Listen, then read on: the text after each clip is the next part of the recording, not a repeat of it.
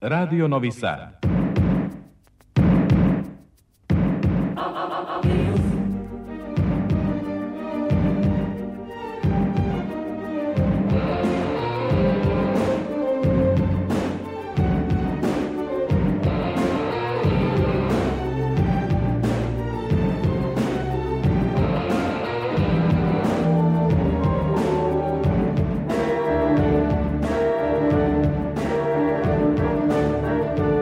Spektar.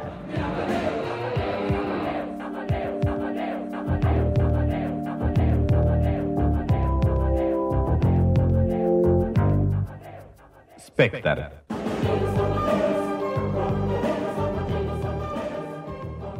Dobro veče. Ja sam Tatjana Novčić-Matijević. Počinje Spektar, magazin za kulturu Radio Novog Sada i odmah ukratko o sadržaju. U Srpskom narodnom pozorištu u toku je premijera komada Evanđelje po Dostojevskom, režija Jarne i Lorenci. Pred kraj emisije čućemo našu Anu Čupić i prve utiske. Sagovornici Spektra su dizajner svetskog renomea Jova, Imre Kiš Jovak, novosađanin poreklom već pola veka Amsterdamac. Španski pisac Lorenzo Silva gostovao u Novom Sadu i u Beogradu. Potom naše autorke i autori Mirjana Novaković, Maja Trifunović i Zlatomir Gajić, koji su svoja nova dela predstavili na Novosadskom sajmu knjiga. Pa reditelj Boris Liješević, koji je prošlog petka imao premijeru komada Besnilo, prema romanu Borislava Pekića u Somborskom narodnom pozorištu i likovni kritičar Sava Stepanov o monografskoj publikaciji Slikarstvo Mire Brtke. Književnica Dubravka Ugrešić preminula je danas u Amsterdamu u 73. godini.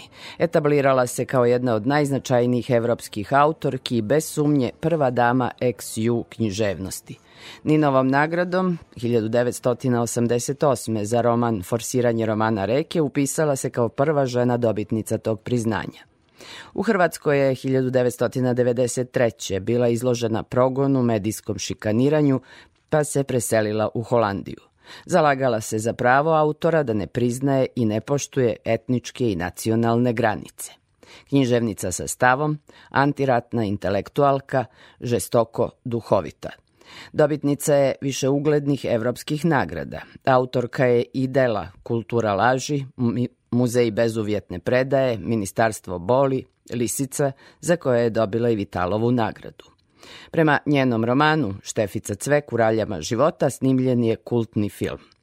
Od Dubravke Ugrešić na društvenim mrežama opraštaju se njeni poštovaoci ne samo sa ovih prostora, već i širom Evrope i sveta.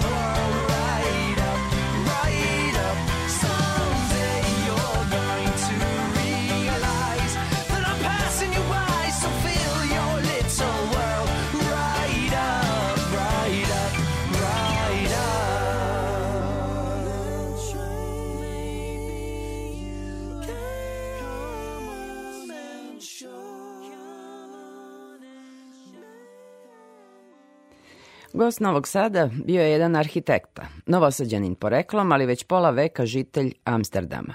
Imre Kiš Jovak, u dizajnerskom svetu poznat po nadimku Jova još iz Novosadske srednje umetničke škole.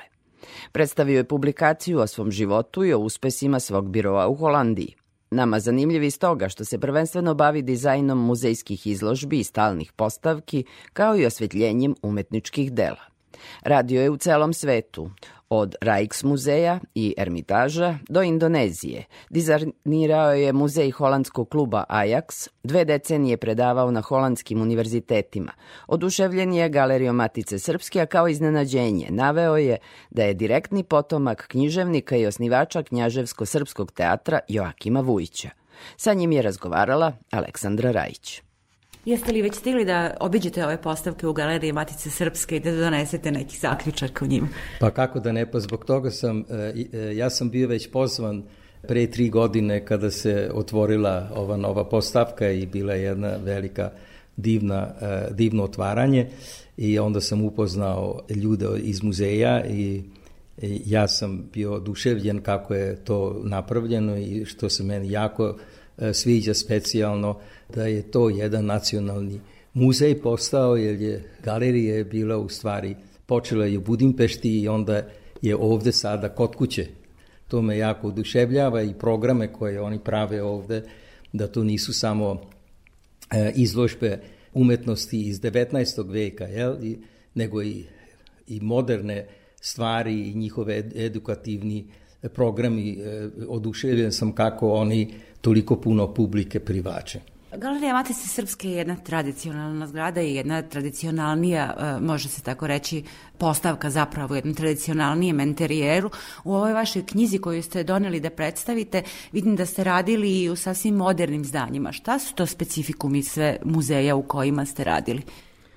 Ja sam radio u umetničkim muzejima, ja sam radio u etnografskim muzejima, e, ja sam radio i u inostranstvu, u muzejima, recimo i u, u Sin Petersburgu, e, u Ermitažu, sam osvetljenje pravio za Rembrandt room, za šatorski za rum i tako dalje. Jel, ja i, da. I za italijanske majstore, to, su, to je moje delo. E, ja sam sarađivao sa muzejima iz, iz New Yorka, iz Londona, iz Pariza, iz Rima. Ja sam veliki veliki program imao u mojoj karijeri. Ali ovo sve što kažete znači da imate jedan snažan, ja bih rekla, emotivan, naravno uz onaj profesionalan odnos prema, zapravo prema likovnoj umetnosti. Ne pa, samo prema arhitekturi koja je vaš poziv, nego i prema likovnoj umetnosti. Pa, ja sam unutrašnja arhitekta i mene interesuje ne samo muzeji, mene interesuju i interijeri i, i nameštaj i dizajn i, i sve vrste grafike, prezentacije, E, svakojakih stvari i za mene je jako velika inspiracija recimo i, i dizajn e, sajmovi i umetnički bijenali i tako dalje. Ja svugde odlazim i, i to je moj život da gledam ono što ima u svetu i ja mislim da je to tajna bila mog biroa, da su mene oni uvek angažovali jer sam ja uvek bio i dobro informisan o tome šta je u svetu, šta ima da se vidi. 45 godina svog biroa ste obeležili 2021. godine, ali e, ako sam dobro shvatila, Amsterdam i vaš biro bili su zapravo samo oskočna daska, odnosno polazna tačka da se bavite arhitekturom, evo rekli ste pre svega o dizajnom i interijerom, ali i naravno i ovom e, arhitekturom u prostoru i to po celom svetu. Ono što upada u oči e, kada se gledaju vaši podaci na internetu jeste da ste radili u Indoneziji. Kakve su recimo specifičnosti posla u Indoneziju s obzirom na to da dolazite e, da ste u Indoneziju zapravo otišli iz Amsterdama koji je jedan e, već klasičan primer jednog dobro uređenog evropskog grada. Kakve su različitosti? Ja sam dva terenska rada radio u Indoneziji. To je bio Prva je bila 1978. na Siberutu, to je jedno ostrvo u Mentave arhipelu. Druga je bila u e, Tanatorađa, to je u Sulavezi, isto u Indoneziji, tako da ja tamo nisam, nisam pravio ništa moderno, nego sam ja tamo napravio e, jedan research za kako ljudi tamo žive i to je kultura koja iščezne, a osim toga ja sam radio i sarađivao sam sa muzejima u Indoneziji, jer nemojte zaboraviti da je Holandija, to je bila njihova kolonija, je tako? E, ja sam ne samo u Indoneziji, nego ja sam radio i u Vijetnamu, e, ja sam nacionalne muzeje u Jemenu, e, dva nacionalna muzeja napravio, tako da ja sam puno radio po tim različitim zemljama, jel? I zbog toga što sam ja iz Trope muzeum radio, ja sam posećivao od Meksika do Indije, do do afrikanskih zemalja i sve to sam trebao da znam, jer ako ti radiš e, sa tako renomiranim institucijama, onda mora da, e, vidite, ovde je recimo, e, to je Free Collection, a ovo je moja interpretacija Free Collectiona u Mauritshuis u Hagu, jel? Tako da je to jedna divna mogućnost što sam imao u mom životu još uvek E, da od jednog do drugog muzeja e, to radiš i ono što je bila ta velika tajna mog biroa to je da sam ja radio za jako puno e, mojih klijenata između 40 i 30 i 20 godina. Kako da vam kažem, to su bili klijenti koji su se uvek vraćali kod mene jer mi smo imali smo jedan drugog poverenja i uvek smo išli za, za optimalni rezultat. I evo, bilo je krajnje vreme da vas upoznamo i e, na ovaj način, putem ove publikacije, ove monografije o vašem radu, pričate o celom svetu. Kako se zapravo ta lokalna iskustva prelamaju kroz e, vaš rad, s obzirom na to, evo rekla sam da e, najveći deo života ste proveli u Amsterdamu, a dolazite isto iz jedne specifične arhitektonske sredine, potičete zapravo kakva je e, Novi Sad. Kako je to nasledđe vas zapravo oblikovalo? E, pa to je jako veliko. E, Novi Sad e, sigurno e, u doba kada sam ja bio dete, to je stvarno bio jedan, što se tiče primenjen umetnosti i uopšte arhitekture, je bio booming i to su fantastične zgrade ovde, moderne zgrade modernizma, da. modernizma a osim toga, nažalost, ona, ona divna klasične zgrade, jako puno toga je ovde se sruši i i mene jako to boli da, da nestaju jako važne kulturne zgrade. Tu i tamo se restaurira, i, ali samo da ne bude kasno. A kakav je odnos recimo prema takvom nasleđu arhitektonskom tamo gde živite u Amsterdamu i, i ono što vidite kad dođete u Novi Sad? Velika je razlika u tome da vidite, e, ipak je to jako dugačko vreme da ja tamo živim, jel? Tamo živim sada 53 godine, je li tako? I ja nisam 15 godina u Jugoslaviji bio, e, od 70. do 85. ja nisam bio ovde, tako da ja vidim Novi Sad, ono što je meni Novi Sad davao, jel?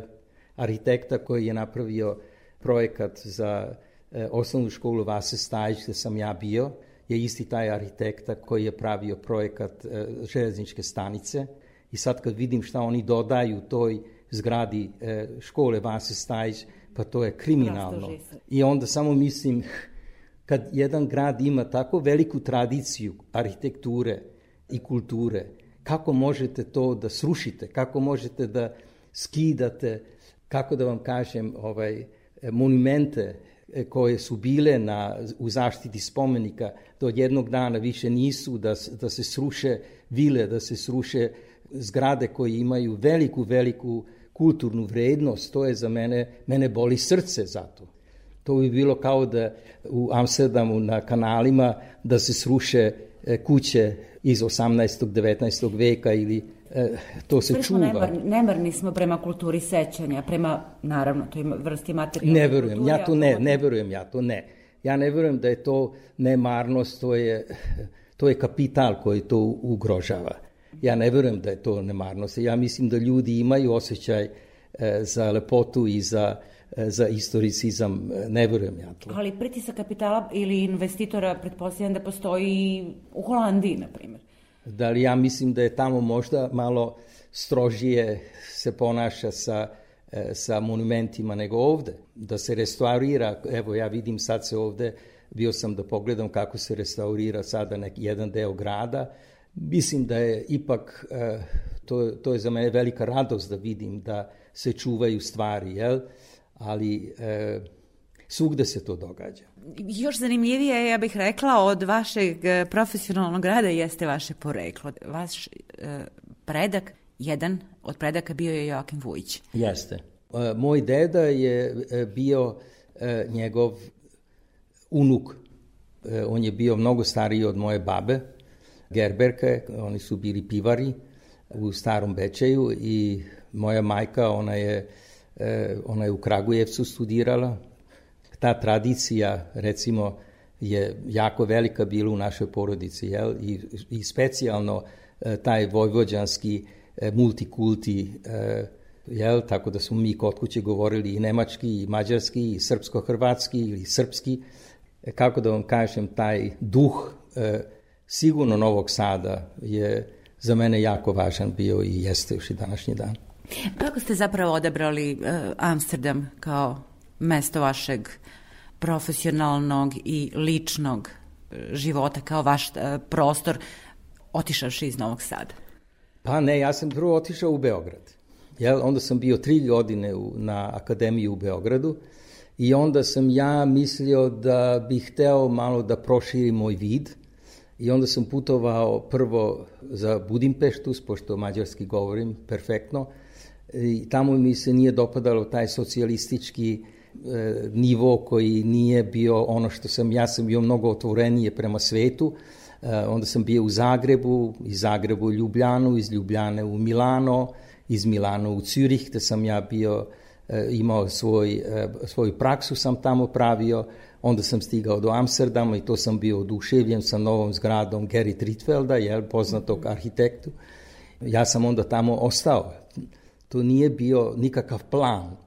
Ja sam na toj akademiji, Ritfeld akademije, ja sam posle toga, pet godina da sam završio e, moje studije, ja sam postao profesor i bio sam tamo profesor 18 godina. Jel?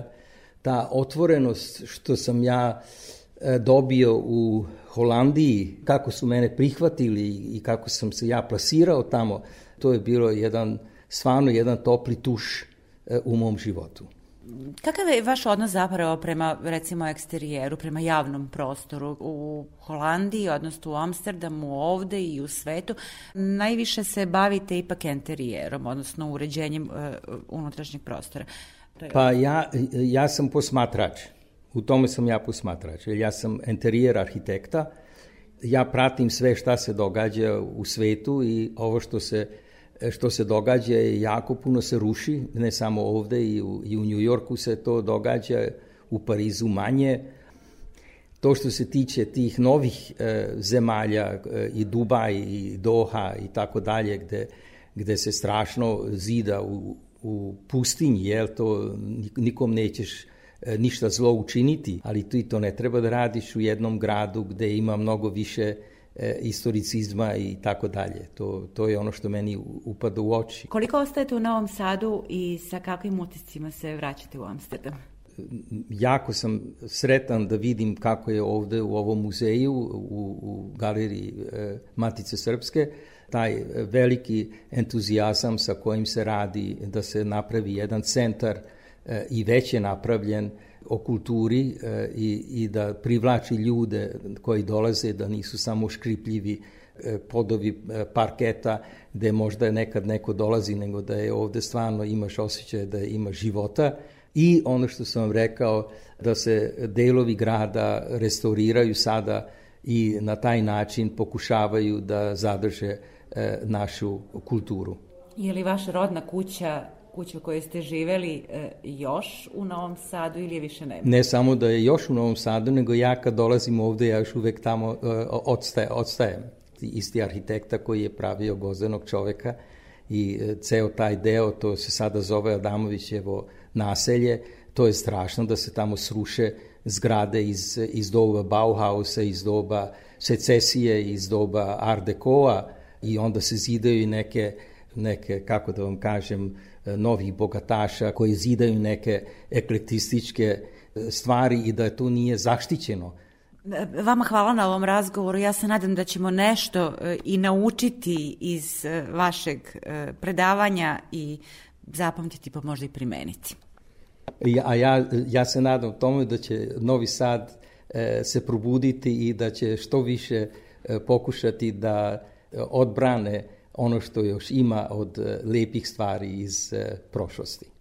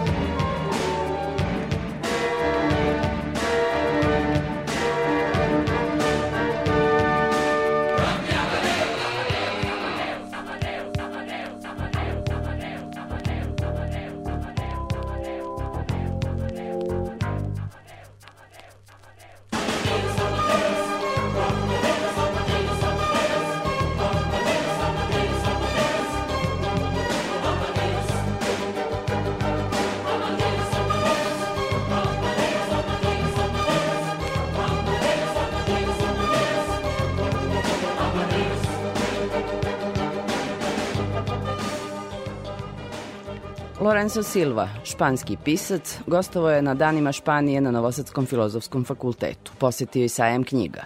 Silva je jedan od najpopularnijih autora, dobitnik prestižnih nagrada Nadal i Planeta, prevođen na mnoge jezike, ne i na srpski, a u razgovor snimljen a razgovor je snimljen uz prevoditeljku Bojanu Kovačević-Petrović.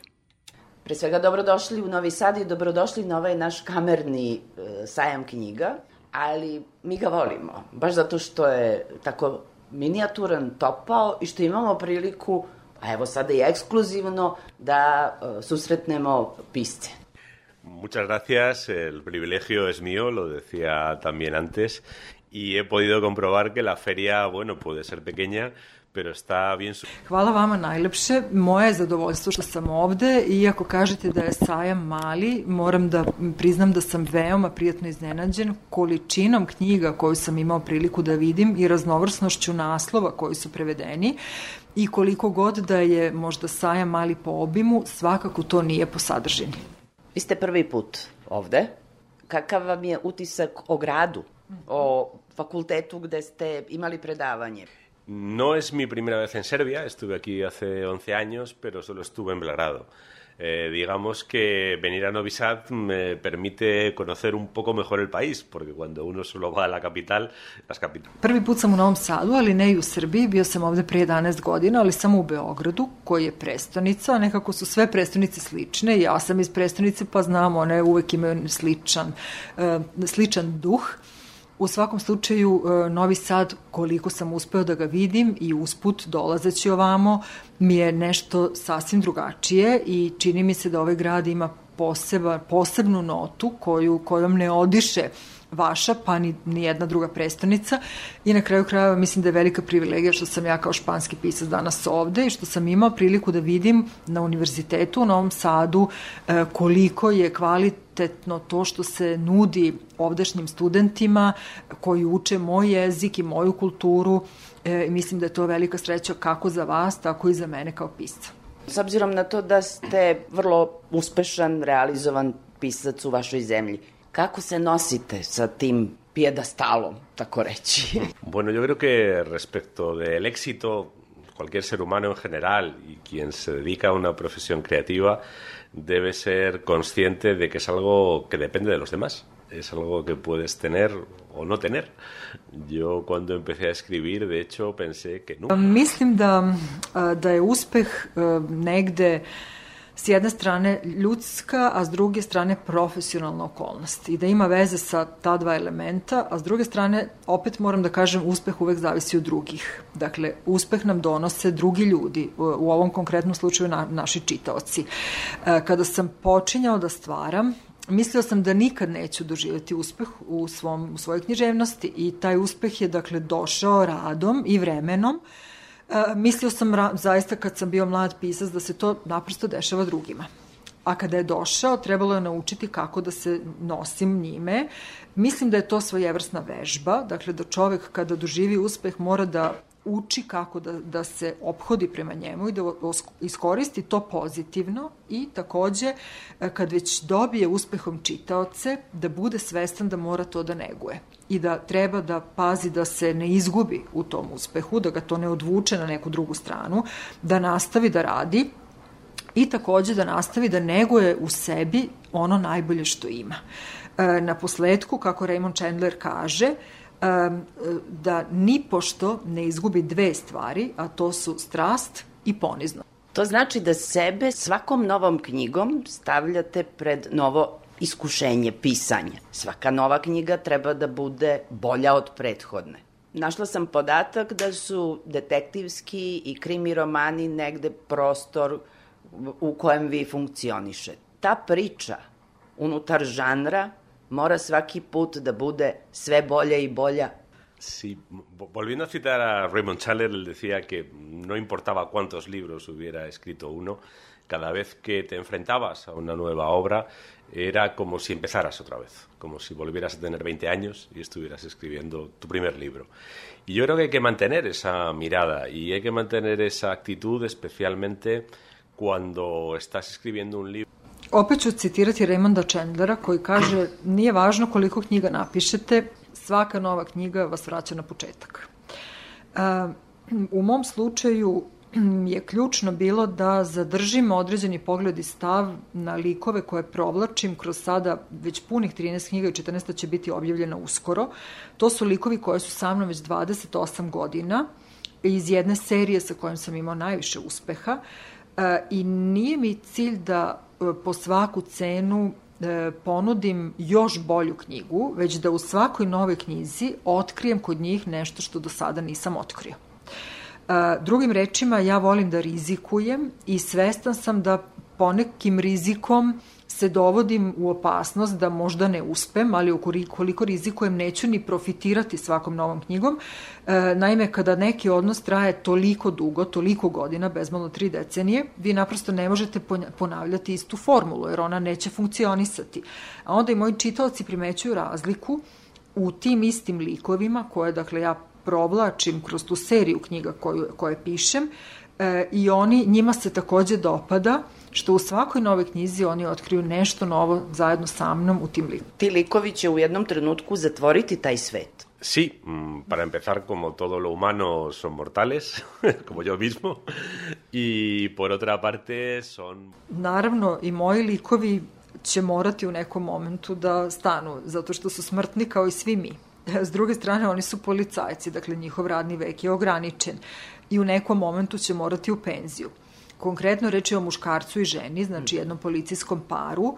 On je stariji, njemu je u ovom trenutku ostalo 9 godina do penzije, znači on će morati u nekom momentu da se penzioniše kao policajac, ali će možda nastaviti da živi u nekom drugom obliku ili u nekom drugo, nekoj drugoj delatnosti. Imali ste priliku da učestvujete u izmeštanju vaše knjige u film, da radite na scenariju. Je to iskustvo? Como guionista he escrito guiones basados en mis libros y guiones originales. Eh, es verdad que cuando uno reescribe para el cine eh, o para la televisión una historia que ya ha escrito para la literatura, eh, quizás sucede algo curioso, o al menos a mí me sucedió. Eh, yo cambié bastantes cosas respecto de la novela porque sentía que para narrar en imágenes la historia que había narrado con palabras, tenía que hacerlo de forma diferente. E, curiosamente, algunas películas... Ja sam pisao originalna scenarija i pisao sam scenarija na osnovu sobstvenih romana. A, pisati za film je nešto sasvim drugačije i kada pišem e, scenarija na osnovu svojih romana, ja zapravo mnogo toga menjam. Zato što kad sam u, usredsređen na reč, to ima jednu dimenziju, a kada razmišljam kroz sliku, to je potpuno nešto drugačije, jer slika može da zameni i mora da zameni određene reči. Dakle, ja se distanciram od svojih romana kada ih pretvaram u uh, film, filmsku priču. S druge strane, ima scenarista koji su pisali scenarija za moje romane i oni su mnogo verniji mojim knjigama nego ja. Takođe bih napomenuo da filmska industrija ima svoje zakonitosti, ima svoje ograničenja i ona negde vas hteli vi to ili ne hteli sputava za razliku od romana koji vam daje apsolutnu slobodu.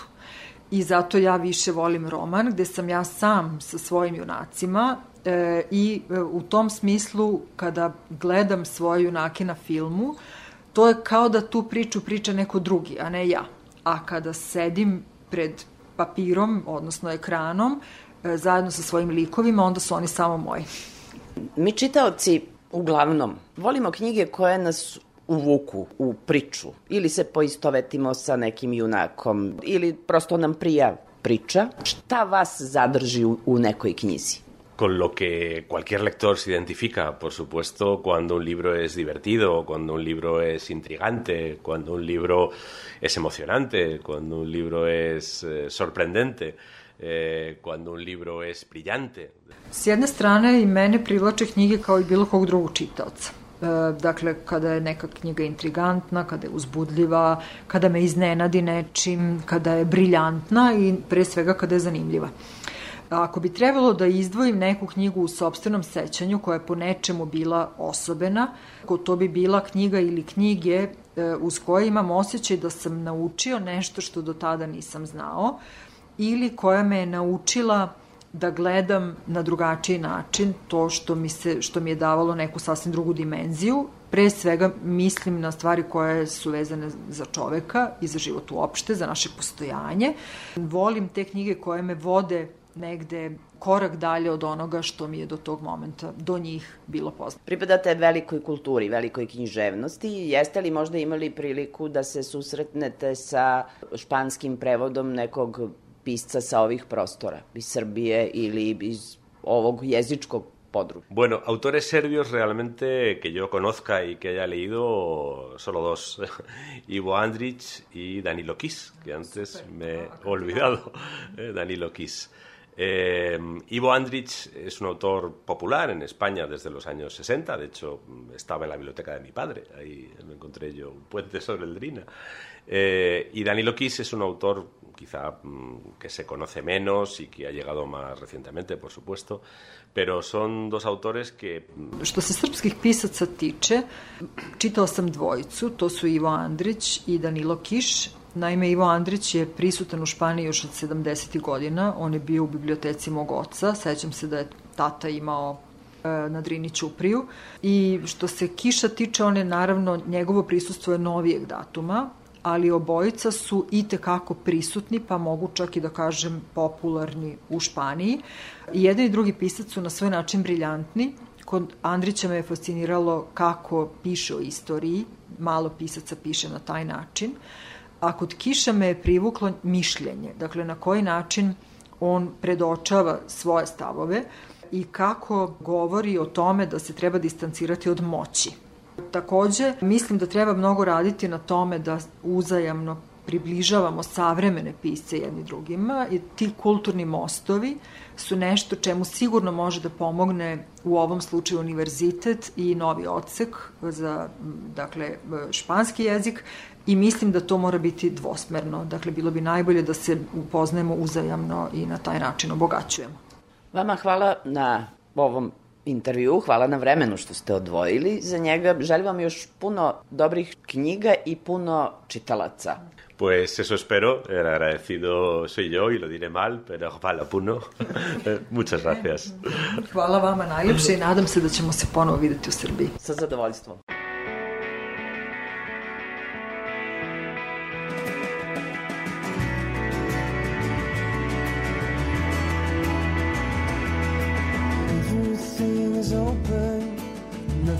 Set in stone.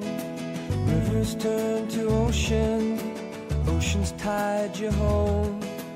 Home is where the heart is, but your heart had to roam. Drifting over bridges, never to return. Watching bridges burn.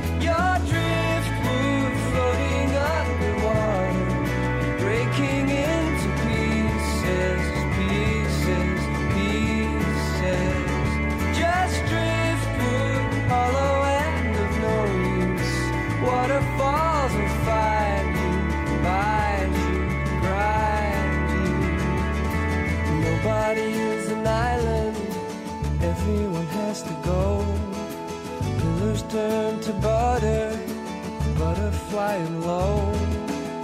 Low is where your heart is but your heart has to grow.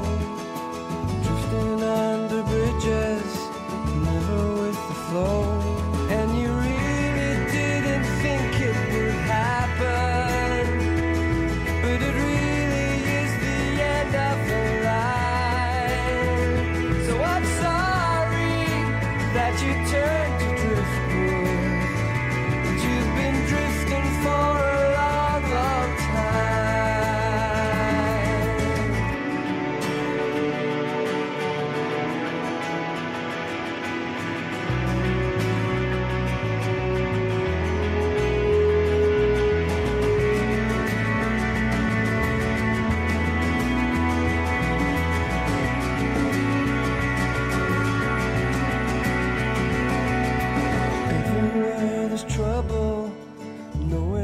To go. Pushes turn to shovels, shoveling the snow. Frozen, you have chosen the path you wish to go. Drifting now forever and forevermore. Till you reach your shore,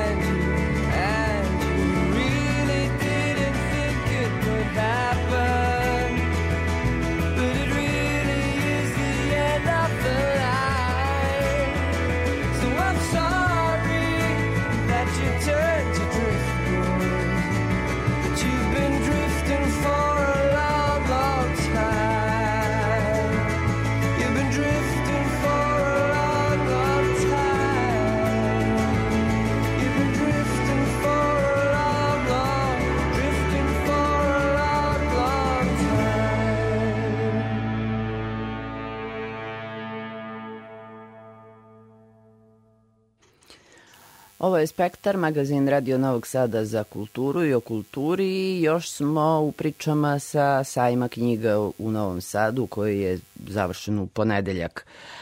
Na sajmu knjiga bila i Maja Trifunović, dobitnica nagrade Laza Kostić za knjigu Priča Gutači vatre. Pre svega čestitam vam na nagradi Laza Kostić. Knjiga Priča je neverovatna. Kakvo je osjećanje? Mnogo je lepo osjećanje, posebno što ja zaista nisam očekivala. Nisam očekivala jer mi je rečeno da sam u užem izboru i to mi je nekako ušlo na jedno, izašlo na drugo uvo i kada mi je javljeno da sam dobila nagradu, iskreno sam se obradovala i volim ovu nagradu i volim Novi Sad i, i sve mi je onako potama. Ni prva mi je zapravo nagrada, ova knjiga mi je nekako posebno važna i draga i nekako mi se čini da će nagrada dati više glasa nego što bi inače imala u moru knjiga koje se prodaju u I nije ni čudo što je on, ona ovakva knjiga dobila nagradu. Odavno nisam čitajući tekst osetila toliku prozračnost. Na izgled jednostavnost i, priča o malim stvarima, o malim životima, a zapravo veliki svetovi.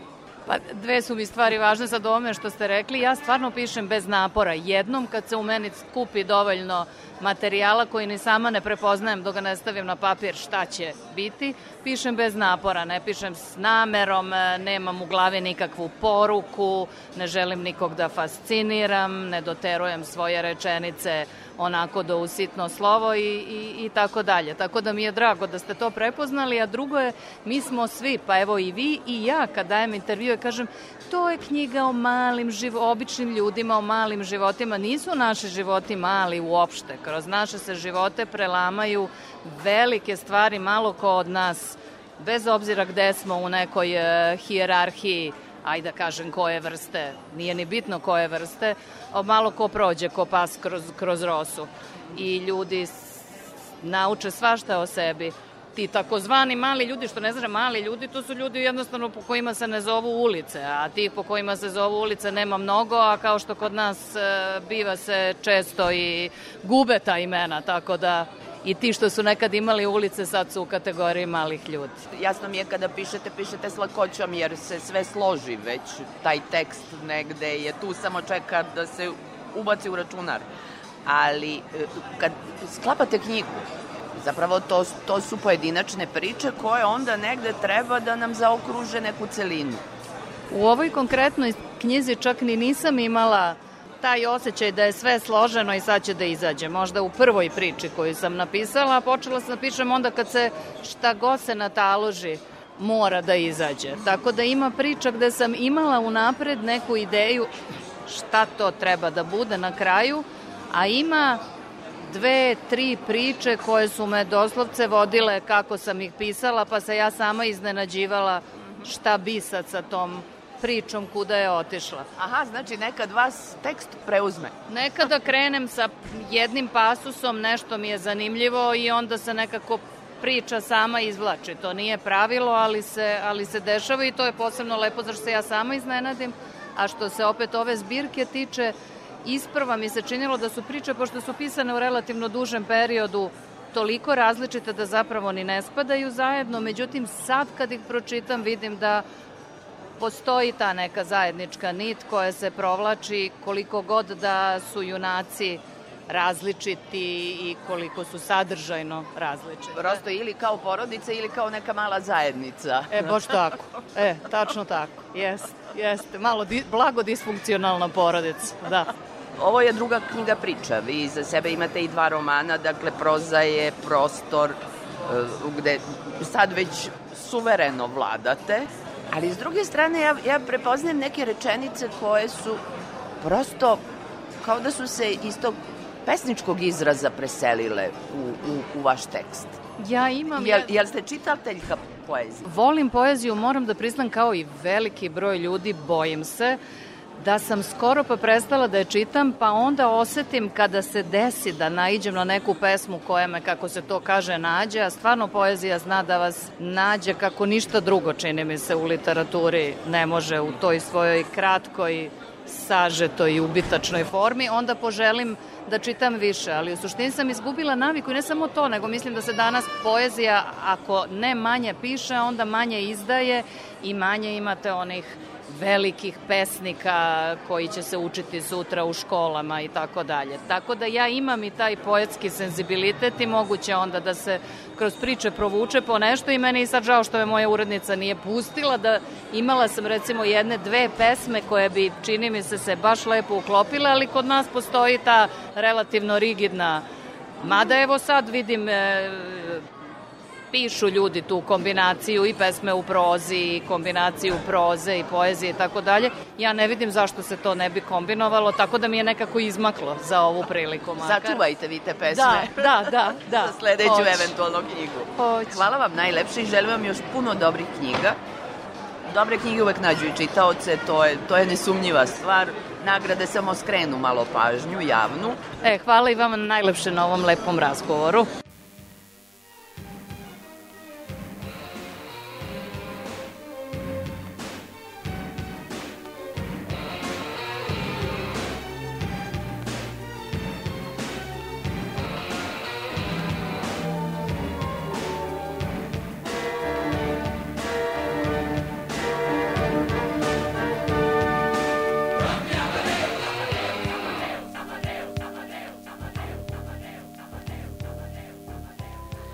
Mirjana Navaković na sajmu govorila o novom romanu Mir i mir.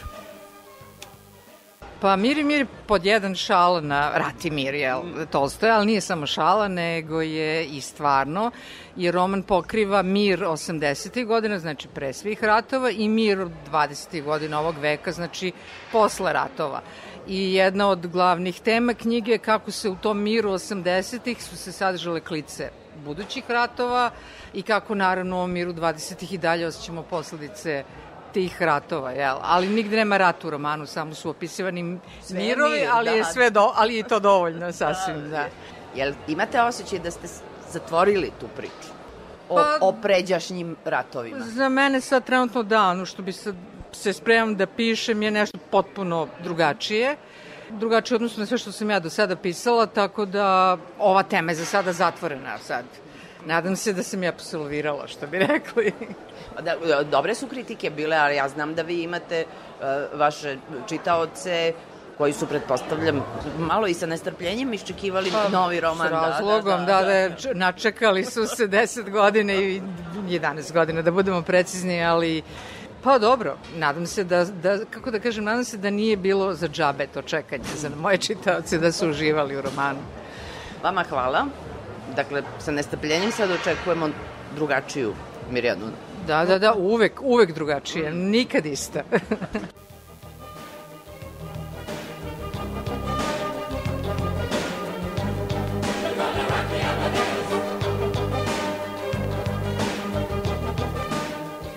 Zlatamir Gajić predstavio je novu knjigu Rok poeta Milan Mladenović. Nova knjiga, sad se već usuđujem da kažem u ozbiljnoj ediciji, koji se zove Rok poete. Prvo je bio Štulić, evo ga sada Milan Mladenović negde pripadajuće Ne znam zašto do sad nismo ni imali takvu knjigu. Pa dobro, ima dosta knjiga o bojici autora, ali one se uglavnom bave biograf, biografskim podacima, tako sudbinama, karakterima i stvaralaštvom. Ova je isključivo posvećena stvaralaštvu, pričamo o Milanu Mladenoviću, o njegovoj poeziji kombinovane sa muzikom sadrži dosta opsežnu analizu onako nekih ovaj, bitnih stvari i uglavnom većina pesama je obrađena na neki način, mislim da će čitoci uživati. Kada kažete analiza, analiza je ona književna, književno umetnička, popularno muzički i šire. Da. Pa evo, prvi deo knjige e, sadrži magistarski rad u kojem je analizirana njegovo ukupno stvaralaštvo i sa posebnim osvrtom na pet pesama koje su onako tip, u tipološkoj podeli e, figuriraju kao ključne. Ove, ovaj, a drugi deo je dopisan naknadno poslednjih nekoliko godina i on sadrži analizu svih a, albuma detaljno sa uvidom u poetske vrednosti, muzikološki segment, sociološki segment a, i pomalo eto, kulturološki, pošto je sve to ipak uticalo na generacije, bar na našu generaciju, da kažem srednju sada i ovaj, tako, i mislim da će uticati i dalje i na ove mlađe.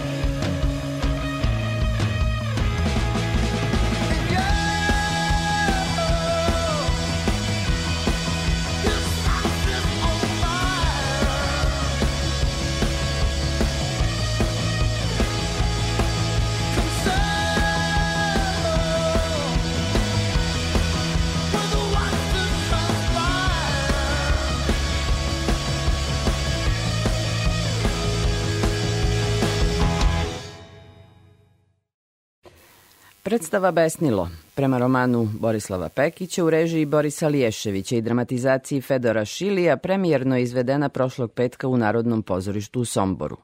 Pekićeva apokaliptična vizija sveta 40 godina nakon objavljivanja romana postala je još važnija i aktuelnija, a možda to samo odgovara onome što smo mi od sveta sami napravili. Sa rediteljem Borisom Liješevićem razgovarala je Ana Čupić. Šta je bio vaš poriv da počnete da se bavite ovim? Počinjao sam zapravo već nekoliko puta prilazim u ovom romanu sa željom da ga radim i uvijek sam dva, jedno dva puta sam do sad to pokušavao, ne pokušavao nego razmišljao, uzimao ga u ruke, čitao, kao aha, mogu bi da ga radim i uvijek bi ga ostavljao i kao kad bi ga pročitao, rekao bi ne, ne, ovo nije ipak materijal za pozorište.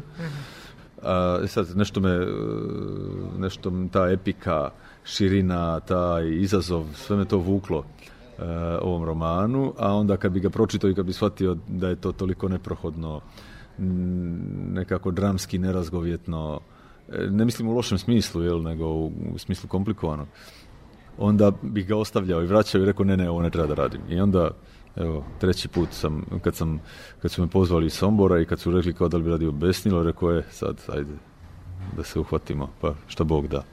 Ja sam, recimo, čitala Besnilo par godina pre karantina. Tada mi je to izgledalo kao sci-fi Sada, kada gledam, ovo za mene predstavlja čist horor. Kako vi komentarišete to? Pa ima svega, mislim. Ja žanr uh, ne komentarišem nikad. Žanr je gledalac. Uh, već s kraja 20. vijeka je žan, uh, žanr je gledalac i sad ako se, gledala, ako, ako se gledalac plaši onda je horor, ako se gledalac smeje onda je komedija. Ako, ako plače onda je tragedija ili drama. Tako da žanrovi me, te kutije, ajmo reći, kutije te me ne, ne interesuju naročito to smještanje sad. E sad, da li je ovo ili ono, nego tako, radim pa št, ne, mogu reći šta ispadne, nego mm, ja radim priču, mislim, priču tu i mm, pokušavam da uđem u nju, sad nekako na kraju, na kraju dođu ljudi pa sude šta, šta je ta priča, u kom je žanru. Da, ali da ima horora, mislim, svakako ima. Da. Predstava počinje monolozima, odnosno naracijom. Uh -huh. To je nam daje do znanja da je, to, da je to ipak roman. Ali ono što je meni posebno interesantno su ti songovi u obliku spavanke. Mm -hmm. Tekst je, rekla bih, poprilično nepevljiv, ali u toj melodiji nam daje neku jezivost i time ste proglasili smrt pojedinca. I, mm. o, a zašto ste se odlučili da to baš bude u tom obliku? Zbog te jezivosti koje se kod pa, mene desile? Da, upravo ste sve vi uh, odgovorili na pitanje i onda traži onda odgovorili ste na pitanje i onda tražite da, da ja ponovo odgovorim. Upravo Neću to. nikad više. Ne, jako mi je drago što ste to ovaj pomenuli zato što uh, gledajući predstavu pitao sam se kako se to sad uh, kako se te, te pjesme razumiju. Ali da, upravo to nešto u tim te uspavanke su divne, ali zapravo u njima može da bude i nešto nešto tako jezivo. Ali zapravo to kao neka kao neka smrt čovječanstva, tako sam, da, da, kao uspavanka za umiruće čovječanstvo, da, tako, nešto, ima neka, ima nešto poput eutanazije u tome, da, da. U, u ovom začaranom Pekićevom krugu, kako bi ga ja nazvala, neke replike su meni ostale onako autentične, poput mi smo besni, oni su samo bolesni. bolesni.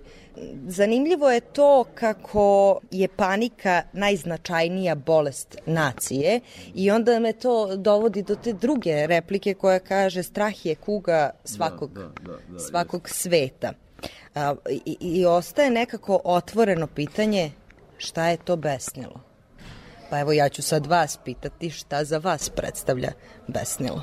Da, da, pa dobro ste, mislim, rekli, taj strah je, e, mislim, e, taj, e, ta priča o strahu je centralna. To je prosto ono, težište cijelog romana. To je nešto u, š, u što se ulivaju sve linije i sva značenja nekako se preklapaju upravo na, tom, na toj priči o strahu. E sad, da, da, šta je besnilo? Besnilo je, kaže, Pekić kaže kako Gabriel, ovaj junak, kaže, on jedini ne može da dobije besnilo. I on je imun na besnilo. A zašto? Zato što sam po sebi nije besan. I, i besnilo ide na besnilo. Odnosno, virus besnila, kako kaže, ide na, na ljudsko besnilo. Da, ljudi su mi, mi ljudi su e, kako kaže besni i I to je neki preduslov da se, da se, da se, da se oboli i od, i od besnila. A besni su od straha, od psihoze, od, od uh, neke kolektivne histerije, ratne histerije, medijske histerije, da, anksioznosti, da. I da, mislim, sve to na neki način besnilo. I za kraj same predstave ostavili ste, što je i Pekić napisao, ja ću samo preformulisati u najvažniju pozorišnu tezu, a to je da je verovatno uvek istinito, a istinito nikad nije. Verova, verovatno je uvek istinito, a istinito nikad nije.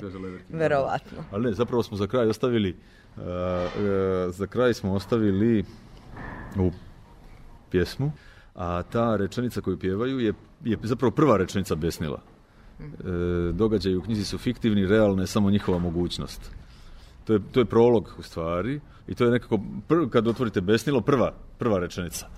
I ovaj, e, da, značajno mi je to bilo da se, da kad prođe sve, idemo opet na prvu rečenicu zapravo. A i na tu, a i zapravo smo se poslednjih godina da, uvjerili da da e, je ta mogućnost jel, realna. Naravno nisu zombi, nije ovo sve, nije ono, ali, ali to da e, ljudi od straha postaju jedni drugima neprijatelji, krv, dželati, krvnici postaju e, jedni drugima, plašeći se za svoj život koji možda čak i nije ugrožen, jel, štiteći sebe iz egoizma, iz samoživosti, Da, da, na kraju krajeva i straha. I zato ovaj kaže strah je kuga ovog sveta. Od straha potiču sve druge bolesti. Tačno tako. Hvala vam najlepše što ste govorili za naš radio. Da.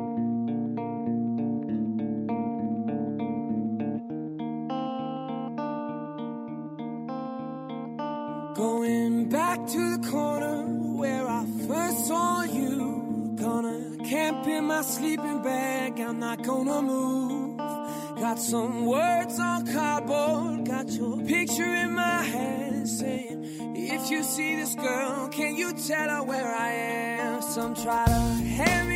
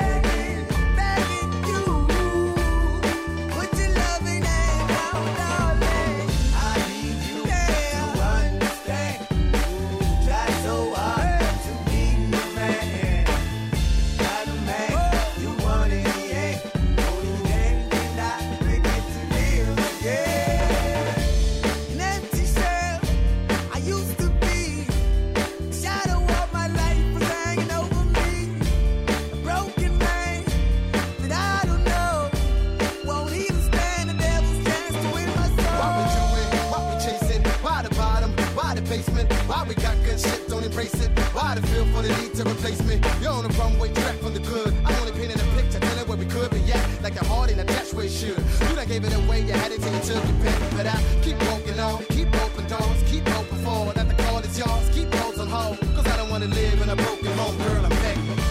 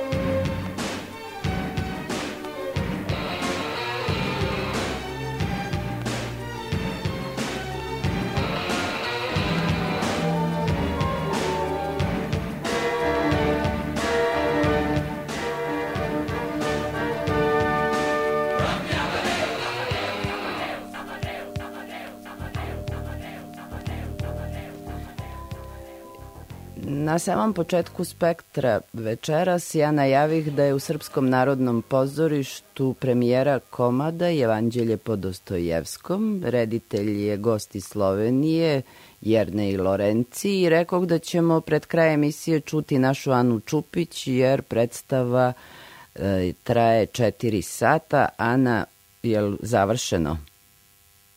Jeste, predstava je gotova i ja za početak imam samo da kažem uf. To je prvi Kakva? utisak. da, da. Takva predstava. Jel tako? Uf u To je- pozitivnom smislu. U najpozitivnijem mogućem smislu ovo je autorsko delo reditelja Jerneja Lorencija, što ste vi već i najavili, ali e, četiri sata u jednom dahu prolaze bez ikakvog treptaja. Dostojevski je, svi znamo, jako kompleksan, jako težak pisac, ali ono što je Jernej uradio sa njim, um, uh, baveći se ovim, rekao je da je to njegov pokušaj razumevanja kompleksnosti Dostojevskog i da mu je Dostojevski pomogao da dođe do nekog dijaloga sa sobom. To je nešto kratko što sam ja usput uspela da čujem od reditelja, ali sad malo i o samom jel, izvođenju. Podeljena je u četiri celine. I sad ovo je neko moje tumačenje, ja verujem u publici je bilo nekih 150 ljudi, pošto odmah moram da kažem ograničen je broj mesa, tako da molim naše slušaoce i gledaoce SNP da na vreme rezervišu svoje karte da posle ne bi bilo problema. A, predstava je podeljena u četiri celine. Prva celina je po meni uh, rediteljev prikaz kako bez uvrede uh, mnogi čitaju Dostojevskog kao suvu dramu, kao, kao više neku doživljavaju kao patetiku. A onda se polako odmotava klupko i gradativno idemo ka groteski koja je na Mhm. samom e, kraju.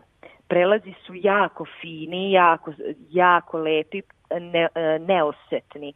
Svetlo je na momente upaljeno. Ono što je posebno zanimljivo kod ovoga što je on kombinovao više romana Dostojevskog i glumci nama zapravo pripovedaju, odnosno mislim, prosto i u naslovu imamo to evanđelje, neke dobre vesti, neko pripovedanje Dostojevskog. Oni nama e, čak na momente e, igraju poluprivatno, zapravo nazivaju se i privatnim imenima e, kada je taj narativni deo u e, komentarišu svoje impresije pri čitanju Dostojevskog, svetlo je upaljeno u publici.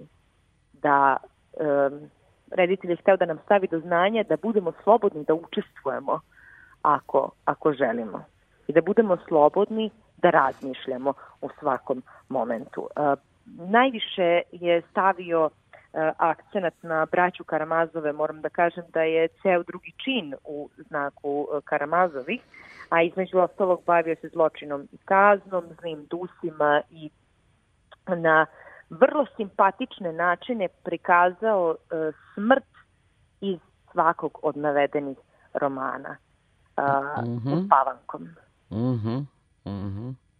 Da, jasno je sad zašto je samo 150 mesta. Koncept je naprosto takav da, da, da su, svi učestvuju u toj predstavi, ali... Mm. Tako je. Suviše je intimno da bismo mogli da sedimo u punoj sali. Ne bi bilo to to. I e, kažeš da je e, izvođenje bilo odlično, što će reći da e, ekipa je dobro pročitala i dobru komunikaciju sa Dostojevskim uspostavila. A, jeste. A i u trenucima, u delovima koje nisu razumeli, otvoreno su rekli um, moj lik kaže taka, taka, taka, taka, ali ja baš ni ne znam šta je on time hteo da kaže. Što nas dovodi do e, prosto toga da rastemo i sazrevamo ceo život, da moramo čitati nešto više puta da bismo mogli da razumemo, da moramo razmišljati o nečemu mnogo godina da bismo mogli da shvatimo. Isto kao što ja smatram da ovu predstavu treba pogledati najmanje dva puta da bismo mogli da uhvatimo njen pravi tok i da bismo shvatili šta se tu zapravo dešava. Ja ću da otkrijem sad jednu tajnu, ja sam bila sinoći na predpremijeri. Mhm, mhm.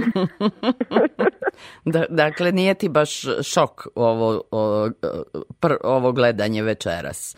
E, nije, ali je premijera premijera. E da, i upravo- igranje od bilo kog drugog. To sam htela da pitam. Dakle, evo, to je iz večeri u veče. Je li ima razlike u, u, u igranju, u atmosferi? I- i- Je li stvarno ta premijera stvarno nešto posebno? Zapravo osjetila sam da su glumci danas e, nekako snažnije e, ušli u celu priču sigurnije nego juče. Juče im je bilo prvo izvođenje pred publikom, to ume da ovaj, dosta da izazove treme i kod profesionalaca i, i ozbiljnih velikih glumaca koji već 30 godina stoje na sceni prosto to je neko uzbuđenje i ljubav prema profesiji, ali a, danas su mnogo snažnije, sigurnije stajali na sceni i m, mogu reći da mi je čak i brže prošlo. Mhm. Možda mi je bilo zanimljivije danas. Da, drugačiji ugao jel, posmatranja, da, da. Moram samo još da napomenem jednu stvar koja je vrlo bitna, a to je da se Jernej bavio decom i da su mu deca bila glavni motiv. I izdvojila bih jednu repliku koja kaže e, ne postoji ružno dete i kada je izgrebano i prljavo a, nije ružno i ne postoji čovek na ovom svetu koji ne voli dete. I samim tim je na kraju e, predstavu je završio jednom, ja bih rekla, kefalicom, postavljajući pitanja e, glavnih motiva Dostojevskog smrt, crkva, vera, ljubav, sreća, porodica, deci. Šta je to za njih? I to je jedan onako jako simpatičan završetak i, i mogu da kažem e, jedno onako umirujući moment za laku noć. Mhm. E, I tebi laku noć. Hvala na ovom javljanju. I evo, morat ćemo pratiti repertoar, pošto čujem da su karte i za naredna izvođenja rasprodate, što nije ni čudo jer 150 mesta je. Dakle, gledat ćemo repertoar Srpskog narodnog pozorišta kad će Evanđelje po Dostojevskom e, biti dostupno za više gledalaca. Dakle, bila je to Ana Čupić sa premijere u Srpskom narodnom pozorištu.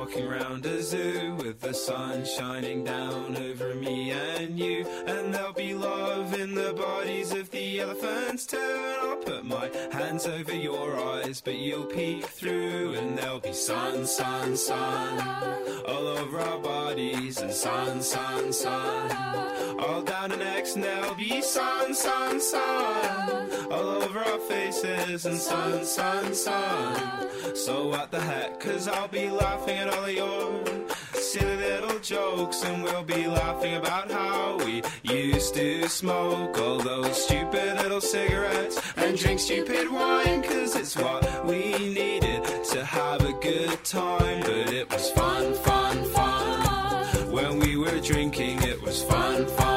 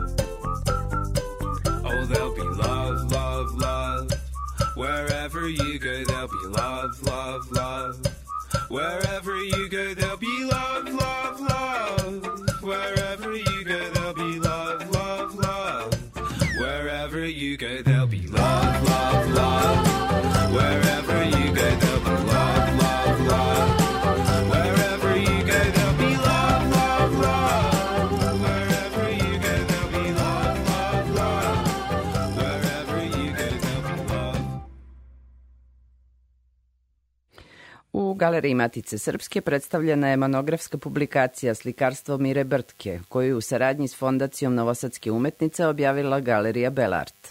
Knjiga osvetljava rani italijanski period u njenom stvaralaštvu 60. i 70. godina, kada je u Italiju otišla kao filmska autorka, a vratila se u Jugoslaviju kao slikarka. Bila je to prilika da o složenom i uzbudljivom opusu umetnice govore istoričari umetnosti, kritičari ujedno i prijatelji, Jerko Denegri, Vladimir Valenćik, Vesna Latinović, kao i Sava Stepanov, čije smo reči zabeležili za večerašnji spektar. Mira Brtka je zaista po svemu osobena ličnost. To ne možete nikako da uhvatite neki red koji, koji vlada u delovanju drugih umetnika, gde to postoje razvojne faze, pa prelasci iz jedne u drugi. Kod nje, ako se nešto desi, desi se naglo, odjednom počne da se bavi skulpturom i pravi fantastičnu skulpturu. Pa onda počne da vrati se na bele slike, pa napravi stvarno bele, jako, jako dobre nove slike. Pa onda počne da, da radi slike u boji, to ispadnu isto vrlo ubedljiva dela. Na kraju je fantastično završila sa slikama koje su zapravo nisu slike, nego su objekti rađeni na pleksiglasu ili, ili ne znam kako se zove ta u jednom minimalističkom ovaj, stilu pravi izuzetno važna i značajna dela za koje takođe očekujem da će kad tad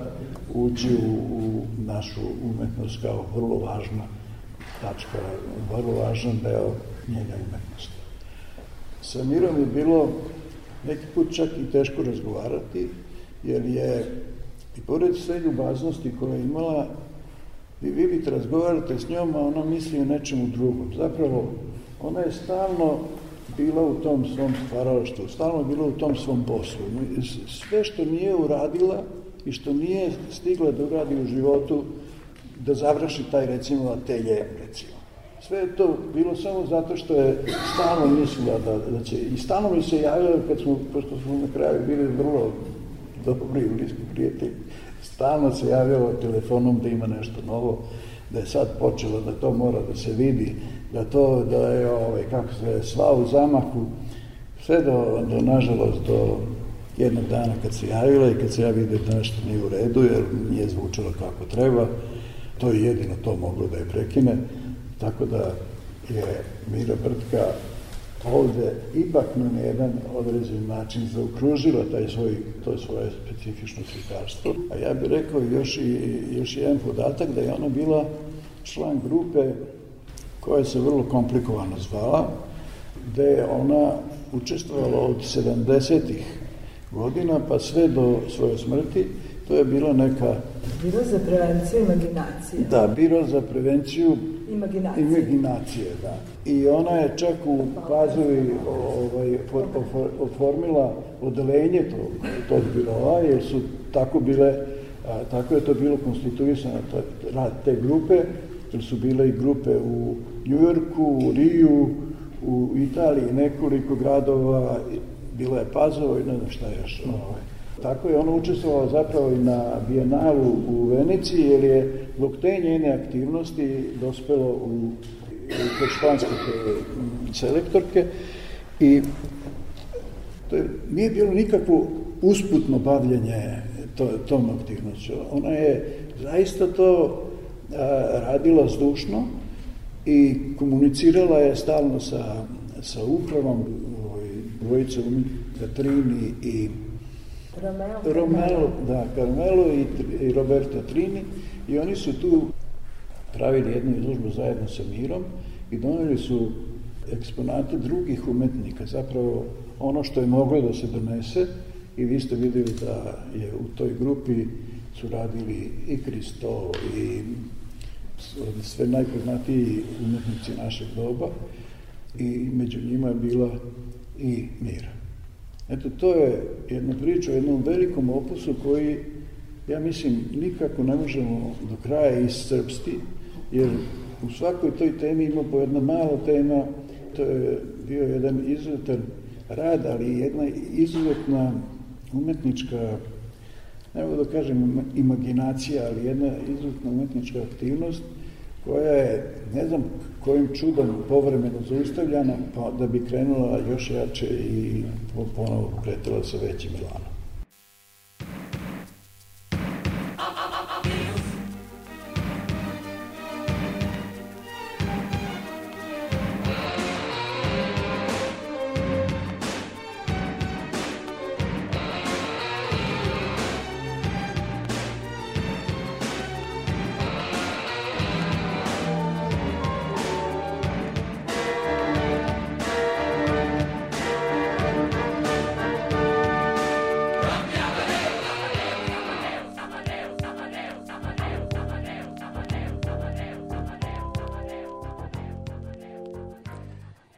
Bio je to spektar ovog 17. marta, u danu kada nas je napustila velika Dubravka Ugrešić.